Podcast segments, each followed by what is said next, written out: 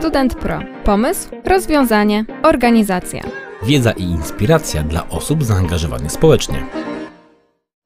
Nabór do organizacji. Jak zacząć? Jakie są typy rekrutacji? I pierwszy kontakt z zainteresowanymi. O dobrym przeprowadzeniu procesu rekrutacji, czyli znalezieniu odpowiednich osób do organizacji, porozmawiam z Kamilem Nawirskim. Witaj Kamilu. Cześć Natalio, jak się czujesz zarekrutowana do tego projektu? A rewelacyjnie się spełniam w prowadzeniu wywiadów. Mam nadzieję. Okaże się w praniu, tak, czy, czy ludzie będą. Czekamy, czekamy na komentarze pod mhm. y, tym podcastem, jak i innymi i dajcie nam informację zwrotną, jak Wam się w ogóle podoba. I myślę, że już możemy powoli mówić o tym, że dawajcie znać, jakie inne tematy powinniśmy poruszyć, żeby przygotować kolejną część, tak, y, kolejny sezon naszego podcastu. Tak, no i będziemy właśnie na ten temat rozmawiać z Kamilem Nawirskim, tak jak pięknie się tutaj przywitał z nami.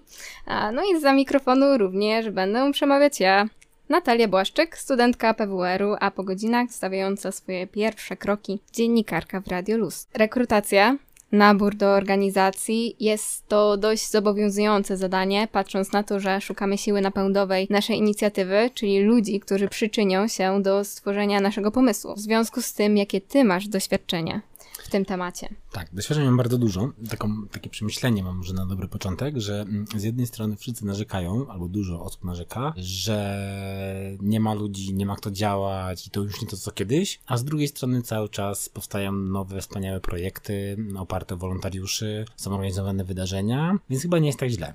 Myślę, że narzekają głównie osoby, które chciałyby, żeby mm, nowe osoby przyszły do organizacji czy do jakiegoś projektu i przyszły dzień dobry, my chcemy tutaj pomóc i robić, a troszkę trzeba wyjść do ludzi, trzeba pokazać, co robimy, mm, pokazać tę naszą dużą ideę, pokazać, jak się bawimy przy tym, czyli jaka jest atmosfera. I wtedy się ludzie pojawiają. W wakacje czy w tym okresie letnim bywam na największym festiwalu w Polsce, Poland Rock, a chyba nawet w Europie. I zawsze jak zakładam koszulkę e, z napisem załoga albo pokojowy patrol, to przynajmniej kilka osób podchodzi zapytać się, hej, a jak do was dołączyć, jak też być zaangażowanym w organizację tego mhm. wydarzenia. Więc myślę, że yy, tak jak mówiliśmy w poprzednim odcinku, te badania pokazują, że jest dosyć duża grupa ludzi, którzy chcą się angażować społecznie, mają ku temu różnego rodzaju motywacje i trzeba te osoby im zaproponować to, co my konkretnie robimy. Mhm. E, no ale przejdźmy może po kolei, po każdym etapie rekrutacji. Ogłoszenie o naborze to pierwszy element, ale jakże kluczowy procesu rekrutacyjnego. Od niego zależy szybkość i sprawność prowadzonych działań, a nawet powodzenie procesu, czyli znalezienie odpowiednich osób. Ogromne znaczenie ma to, w jaki sposób się zaprezentujemy i co tam uwzględnimy. Co zatem powinno zawierać dobrze napisane ogłoszenie o naborze? E, w działalności studenckiej sposób rekrutacji trzeba dopasować do tego, mm, jaką organizacją jesteśmy i co mamy do zrobienia. Ogłoszenie brzmi bardzo oficjalnie. E, oczywiście możemy zerknąć na ogłoszenia o pracę, które mają bardzo konkretny standard, czyli opis stanowiska, e, odpowiedzialność, wymagania, sposób jak zaaplikować. No i Je... może popatrzeć na taki bardziej formalny sposób, ale go przerobić na mniej zobowiązujący Dokładnie tak, tak. Właśnie to, to, chcę powiedzieć, że myślę, że warto spisać te zadania, te tematy, które są do ogarnięcia, e, o ile je znamy, bo to czasem jest tak, że wiemy, że potrzebujemy wolontariuszy, lecz nie wiemy, co będzie do zrobienia i bardziej może w formie jakiegoś posta na stronę czy na social media. Trzeba pamiętać, że w działalności, podobnie jak w startupach czy w małych firmach, nie do końca wiemy, co się wydarzy. Czyli szukamy ludzi, którzy są zaangażowani, którzy są zainteresowani tym naszym dużym wydarzeniem, ale nie żebym komuś powiedzieć, że będziesz robił tylko odtąd dotąd, bo się może okazać w trakcie, że jeszcze trzeba zrobić to i tamto i siamto. I jak już ktoś jest na pokładzie, jest z nami zaangażowany w jakieś działanie, to się podejmuje tych kolejnych działań. Więc jak gdyby to jest bardziej taki komunikat, robimy coś, szukamy ludzi, przyjdźcie do nas, więc może też być jakiś plakat, ciekawa grafika, coś co powiesimy na uczelni, albo coś co publikujemy w internecie. Czasem może się okazać, że jedno dobre hasło wystarczy, żeby ludzi zainteresować, żeby, bo to nawet jak zrobimy tego posta z opisem naszych działań, to i tak trzeba doprowadzić do sytuacji, żeby ktoś go zaczął czytać. Mhm. Czyli tak trzeba pomyśleć trochę nad takim marketingiem tej, tej, tej rekrutacji, czyli żeby w ciekawy sposób zainteresować ludzi i spowodować, żeby chcieli czytać dalej. Mhm, no właśnie, jak uatrakcyjnić te ogłoszenia, żeby zwrócono na nie uwagę. Że może się pojawić nowe zadanie, z którego ktoś z zespołu będzie musiał je ogarnąć. Więc bardziej szukamy osób zaangażowanych niż specjalistów w jakiejś dziedzinie. Działając ze studentami, wolontariuszami, trzeba przyjąć, że wszyscy się uczymy, więc nie mamy co stawiać wymagań odnośnie jakichś konkretnych umiejętności czy doświadczenia, ale bardziej opisać, e, co jest do zrobienia i znaleźć osobę, która się tego podejmie. W trakcie będzie się uczyła, razem z nami będziemy się Mhm. wszyscy uczyli, żeby to mm, Też trzeba zrobić. mieć taką świadomość, Tak. że nie może przeznaczyć na tą działalność 100%, 100%, 100% swojego czasu. Tak, ja bardziej to widzę w ten sposób, że po prostu osoba odpowiedzialna za dane zadanie ma okazję się albo go nauczyć, albo nauczyć się delegować, czy angażować kolejne osoby i jest odpowiedzialna za to, żeby to zadanie było zrobione na czas.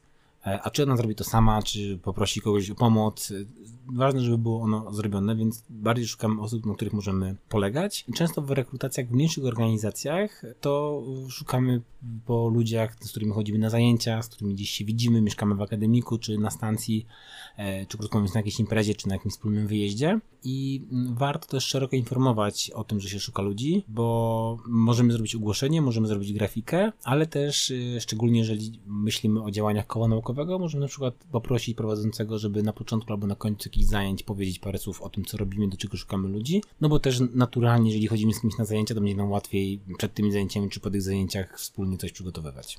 Reasumując, o czym należy wspomnieć w takim poście e, na temat tego, że coś robimy, czyli napisać, kto zaprasza do współpracy, kilka słów o nas, o naszej organizacji, co jest do zrobienia, czyli mm, tu może być opis tej wielkiej idei, czy mm, co chcemy osiągnąć, niekoniecznie opis konkretnego stanowiska, tylko ogólnie co, co robimy, jakich kwalifikacji wymagamy, czy jakich umiejętności wymagamy, czy szukając na przykład grafika do zespołu, wymagamy obsługi programów graficznych, ale to można się okazać, że ktoś z architektury, czy z jakiejś uczelni plastycznej ma te umiejętności i może nam w tym pomóc, więc w ogóle super, jeżeli osoby, które szukamy, to jest choć trochę zbieżne z ich kierunkiem studiów, ale też mnie to absolutnie nie zamykał, bo często osoby Mhm. robią rzeczy niezwiązane z kierunkiem studiów i się w tym odnajdują. No i tak jak ja na przykład bardziej później angażują w to, co robią na wolontariacie, niż to, co studiowały. Wiele można właśnie powiedzieć na temat tego, jak należy przygotowywać ogłoszenie rekrutacyjne, aby było maksymalnie efektywne i mogło po prostu zainteresować kandydata. Jednak równie ważne jest też to, gdzie opublikujemy nasze ogłoszenie, ponieważ nawet najlepsze na niewiele się nam zda, jeśli potencjalni interesanci po prostu nie będą mieli szansy go zobaczyć. Jak w takim razie sprawić, aby stało się o tym głośno?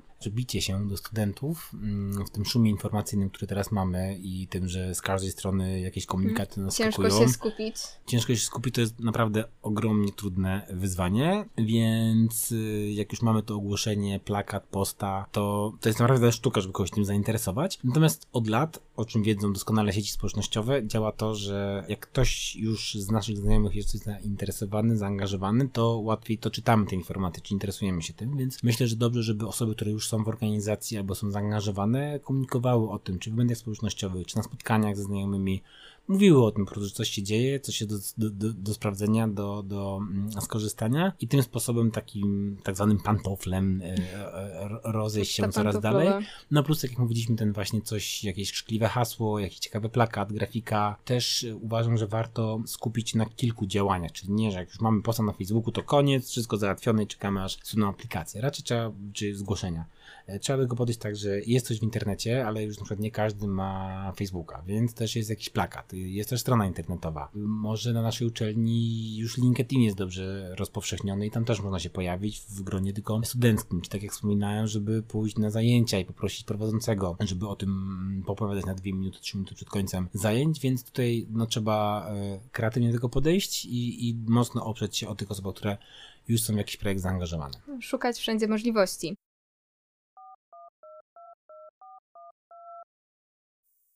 Naszym podcaście dzwonimy do osób, które dobrze znają się na jakimś temacie albo mogą opowiedzieć bardzo ciekawe historie. Dzisiaj dzwonimy do Krystiana Rubajczyka, który jest wiceprzewodniczącym do spraw HR Zarządu Krajowego NZS-u, czyli Niezależnego Zrzeszenia Studentów, a w latach 2020-2021 był przewodniczącym NZS-u Uniwersytetu Gdańskiego.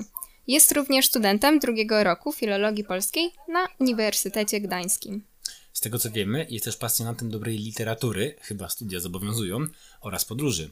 Może dodam, że NZS objął patronatem Studenta Pro. Jest to jedna z najstarszych organizacji, która działa w Polsce. Powstała zaraz po strajkach w sierpniu 1980 roku, które były sprzeciwem wobec ówczesnego reżimu politycznego w naszym kraju. Dzień dobry, cześć. Hej Krystianie, z tej strony Natalia i Kamil ze studia Student Pro. I dzisiaj rozmawiamy o rekrutacji do organizacji studenckich. Jakie są sprawdzone w całym kraju sposoby rekrutacji według Ciebie? To jest dość skomplikowane pytanie, ponieważ nie ma jednego wzoru na udaną rekrutację. Zależy ona od wielu czynników, od tego w jakim obecnie okresie się znajdujemy, co się dzieje, czy też od typu uczelni. To nie jest jak w dziale finansowym, że mamy gotowy wzór wniosku, podstawiamy dane i już mamy zagwarantowany sukces.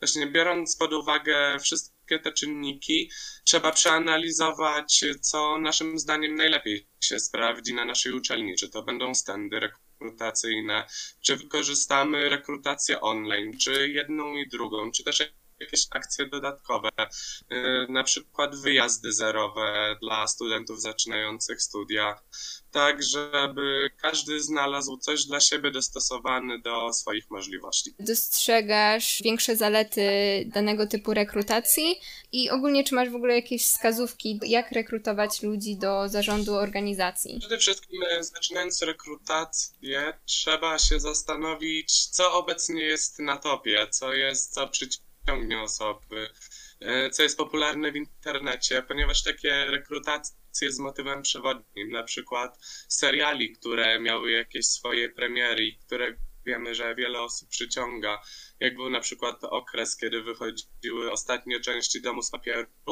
to takie rekrutacje z tymi motywami, zrobione wszystko w motywie La Casa de Papel, e, sprowadzały, mam wrażenie, więcej osób, przyciągały więcej osób niż moty, rekrutację z takimi motywami ogólnymi. No i bardzo fajnie też się sprawdzają wyjazdy zerowe, o których już wcześniej wspominałem, które, podczas których nowi studenci mają okazję pojechać i poznać pierwszych znajomych y, ze studiów, a jednocześnie dowiedzieć się o naszej organizacji, którą reprezentujemy. Mhm. A powiedz mi, jakbyśmy przeszli kawałek dalej, kiedy już mamy organizację, mamy już ludzi w niej zaangażowanych, ale trzeba wybrać właśnie osoby do zarządu, do takiej, u Was jest y, zarząd ogólnokrajowy, ale też podobna sytuacja jest w zarządach na poszczególnych uczelniach. Jak spośród osób, które już działają, zarekrutować, wybrać, komu zaproponować e, udział w zarządzie organizacji? To jest właśnie też pytanie, z którym ja się zmagałem, kiedy kończyłem swoją kadencję na stanowisku przewodniczącego NZS-u na Uniwersytecie Gdańskim. I myślę, że warto zacząć od tego, żeby zastanowić się, jaki ja jestem i jaki powinien być nowy przewodniczący, nasz następca. Y, sobie wypisać nawet takie cechy i później zacząć od obserwacji osób już działających, czy to osób pełniących jakąś funkcję w organizacji, czy od y, członków i zaobserwować, którzy też się wykazują y, tymi cechami, które my wskazaliśmy. I też wtedy starać się te osoby najpierw tak delikatnie naprowadzać na to, żeby dawać jakieś dodatkowe zadania, i później przed już gdzieś końcem kadencji szczerze porozmawiać z tymi osobami i zaproponować stanowisko w zarządzie. Chyba to, co najważniejsze powiedziałeś, nie można tego odłożyć na ostatnią chwilę. To przede wszystkim o tym, co listę warto sporządzić już nawet na początku kadencji, co się może wydawać trochę dziwne, ale ten w głównej mierze roczna kadencja jest y, bardzo szybko mijającym czasem i zanim się obejrzymy już będzie koniec, więc warto gdzieś już od początku powoli zaczynać obserwować członków, żeby wiedzieć, kto się wykazuje cechami żeby móc, takimi cechami, żeby móc nas zastąpić. Mnie na przykład e, bardzo zaciekawiła taka rekrutacja z nawiązaniami do popkultury obecnej. Dziękujemy Ci w takim razie, Krystianie, e, za to, że chciałeś nam co nieco powiedzieć o rekrutacji, e, jak to wygląda według Ciebie i za podanie wskazówek oraz rad dla naszych słuchaczy. Dzięki wielkie i do usłyszenia. Dziękuję. Mamy swoje ogłoszenie, opublikowaliśmy je w wielu miejscach, ale co z doborem odpowiednich osób do inicjatywy? Czy brać wszystkich chętnych, czy jednak przeprowadzać selekcję zgłoszeń? Mhm.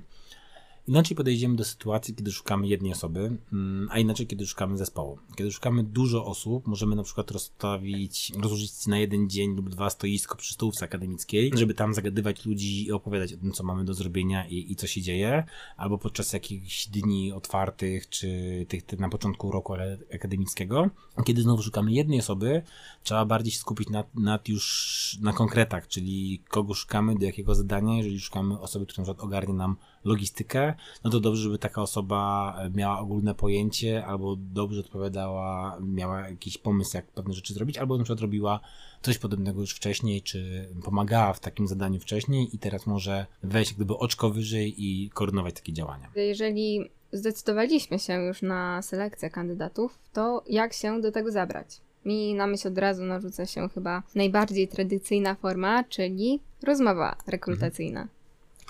E, tak, no rozmowa to podstawa, ale czy zrobimy ją na żywo, czy online, czy telefonicznie, to już zależy od nas, ilu osób szukamy i e, jaki to jest projekt. E, w zasadzie możemy zacząć od spotkania ze wszystkimi zainteresowanymi, a szczególnie kiedy szukamy dużo osób, wtedy jak gdyby jest duże spotkanie mhm. i, i na nim opowiadamy, co konkretnie jest do, do zrobienia. E, przykładowo w nocnym listowaniu zaprosiliśmy wszystkich zainteresowanych, opowiedzieliśmy coś do zrobienia, a następnie każdy powiedział, w czym się najlepiej czuje. I już po spotkaniu, czyli nie w trakcie spotkania, żeśmy siedli z zespołem, który przygotowuje e, listowanie i wymyśliliśmy, że ta osoba do tego, ta do tamtego i później się łączyliśmy z tymi osobami już telefonicznie, żeby je poinformować o tym, e, do czego je zapraszamy i czy one się zgadzają to robić, no bo to też y, jedno to jest, kiedy na spotkaniu mówię, hmm, chciałbym robić coś tam, a co innego jest mhm. dwa dni później, kiedy mówię, słuchajcie, a, słuchaj, ale jednak mm, chcielibyśmy, żebyś się zajął, zajęła konkretnym działaniem i przez najbliższe 2-3 miesiące była w to, była, był w to zaangażowany. Więc to też jest y, ta okazja, żeby się zdzwonić z kimś na, na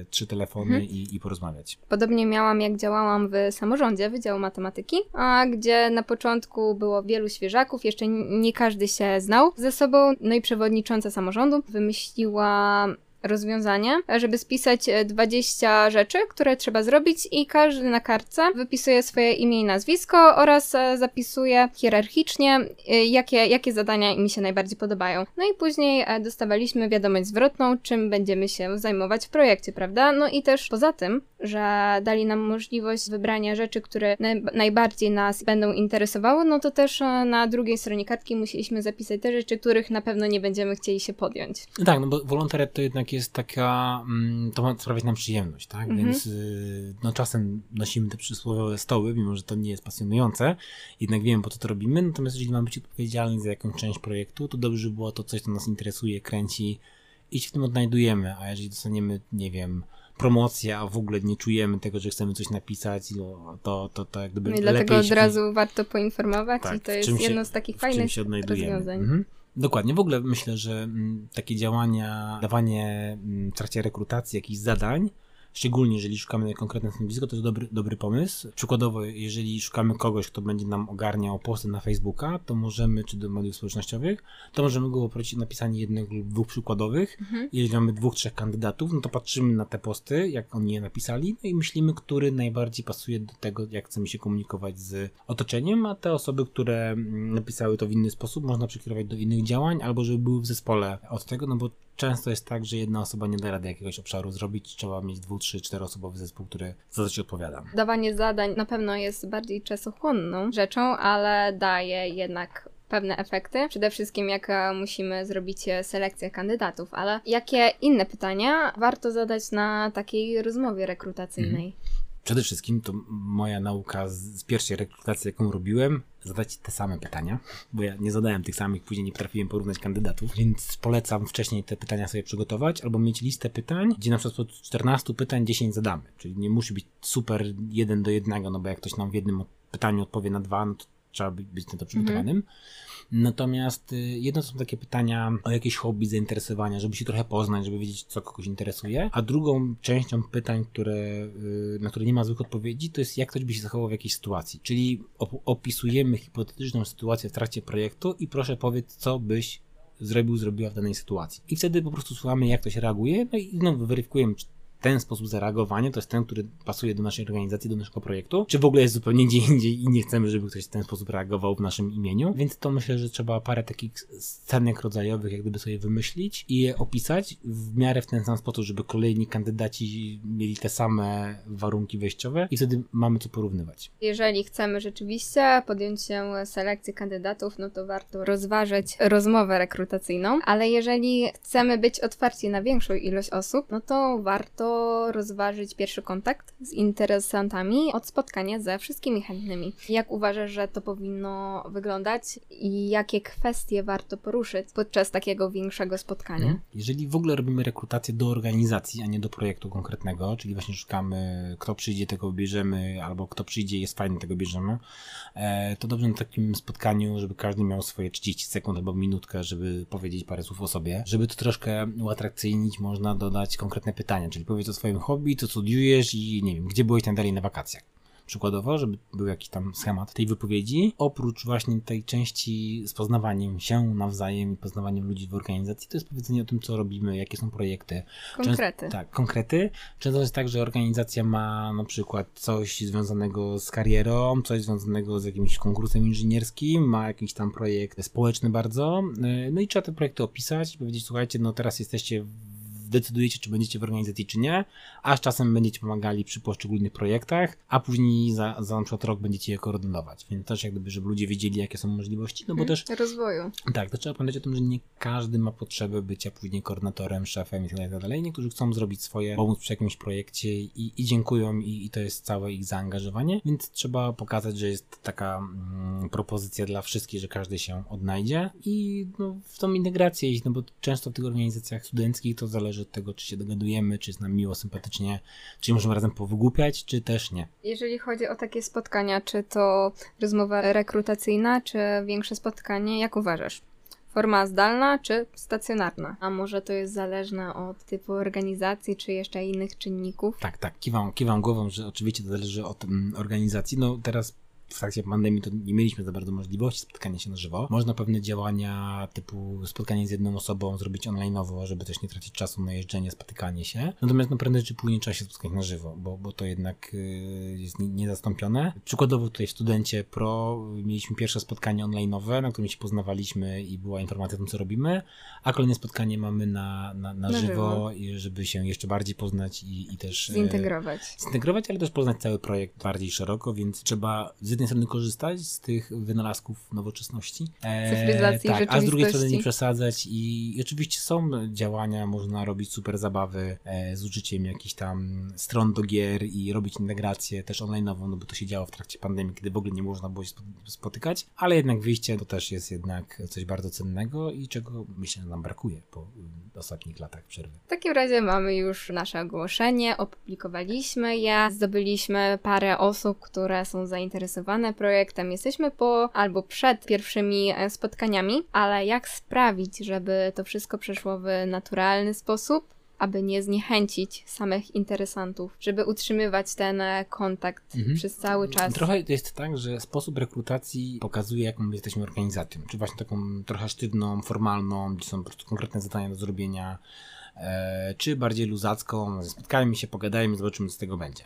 Więc to trochę trzeba sobie na to odpowiedzieć. Jeżeli chcemy być bardzo taką luźną organizacją i że tu się super bawimy, to bardziej duże spotkanie, później wspólne wyjście i, i tak się możemy poznać. Jeżeli wiemy, że robimy, nie wiem, konferencję naukową, to może troszkę inaczej trzeba przygotować ten, ten cykl rekrutacyjny, więc to mm, mówi trochę o nas, o, o, o szefostwie danego projektu i o tym, do czego, do czego dążymy. Więc tutaj bardzo rzeczy zależy od tego, co, co chcemy osiągnąć. I tak jak już mówiliśmy wcześniej, jednak często jest tak, że zaczynamy rekrutację do osób, które po prostu znamy, które są gdzieś blisko, a czyli na przykład dwie, trzy osoby mamy już zaufane. na samym początku, tak, zaufane, a na przykład dorekrutowujemy kolejne osoby do, do pomocy. I też myślę, że bardzo naturalnie wychodzi w mm, organizacjach dużych to, że mamy dużą pulę członków tej organizacji, którzy pomagają w takim stopniu minimalnym w różnych projektach. Mhm i z projektu na projekt dostają coraz bardziej odpowiedzialne zadania, no i niektórzy mówią, ja już w tym momencie dziękuję i będę przychodził i dalej rozdawał te koszulki, czy pomagał w jakichś prostych rzeczach w dniu wydarzenia, a po chwili ktoś inny mówi, ja chcę więcej i na przykład dostaje do przygotowania coś, co się przygotowuje tam tydzień wcześniej, miesiąc wcześniej, czy koordynuje się cały projekt. Zawsze zwracać uwagę na możliwości rozwoju wolontariuszy. Tak, ale też myślę, żeby też nie przesadzać, w sensie takim, że jeżeli ktoś e, na siłę kogoś nie ciągnąć dalej, no bo to też się zdarza, że ktoś po prostu ma inne rzeczy i on nie potrzebuje mm. iść dalej, on chce na pewnym poziomie się zatrzymać, a, a znowu być wyczulonym na osoby, które tak trochę niechętnie, ale tak naprawdę coś by jeszcze więcej zrobiły, mm-hmm. więc też mm, to jest może temat ewaluacji pierwszych jakichś spotkań czy, czy pierwszych działań, żeby wiedzieć, gdzie te osoby chcą iść dalej, czyli pojawia nam się cały obszar tej rekrutacji wewnętrznej między osobami, które już trafiły na to pierwsze spotkanie, mhm. spodobałem się zadania, nie wymiękły po pierwszym spotkaniu i chcą być z nami e, dalej i, i coś robią cały czas brać pod uwagę fakt, że każdy ma inne chęci, inne spojrzenie na swój udział w danym projekcie. W takim razie widać, że typy rekrutacji są różne. Wiele zależy od naszych wymagań i wizji projektu. Nabór do organizacji jest jednym z pierwszych kroków do rozwoju naszej inicjatywy i od niego między innymi zależy tak właściwie efektywność mm, zespołu w przyszłości. Mam nadzieję, że rozjaśniliśmy elementy tego procesu i ułatwimy Wam jego przeprowadzenie. Dziękujemy Wam bardzo, że nas słuchaliście. Mówiła do Was Natalia Błaszczyk oraz Kamil Nawirski. I zachęcamy do obserwowania projektu Student Pro na Facebooku i Instagramie, komentowania oraz udostępniania materiałów i oczywiście słuchania naszych podcastów. Tak, tak. I myślę, że jeżeli wnieśliście e, z tego odcinka czy z innych odcinków wiedzę dla siebie, to dajcie tam odpowiednią ilość gwiazdek i komentarz w aplikacji, w której słuchacie podcastu, tak żeby też to docierało do coraz szerszej ilości osób. Choć akurat myślę, że w naszym przypadku, gdzie staramy się dotrzeć do studentów, to dobrze jakbyście po prostu przesłali linka do konkretnych osób, które działają społecznie. Do potencjalnych zainteresowanych. Jeszcze raz dziękujemy Wam za słuchanie i oczekujcie kolejnych odcinków. Do usłyszenia.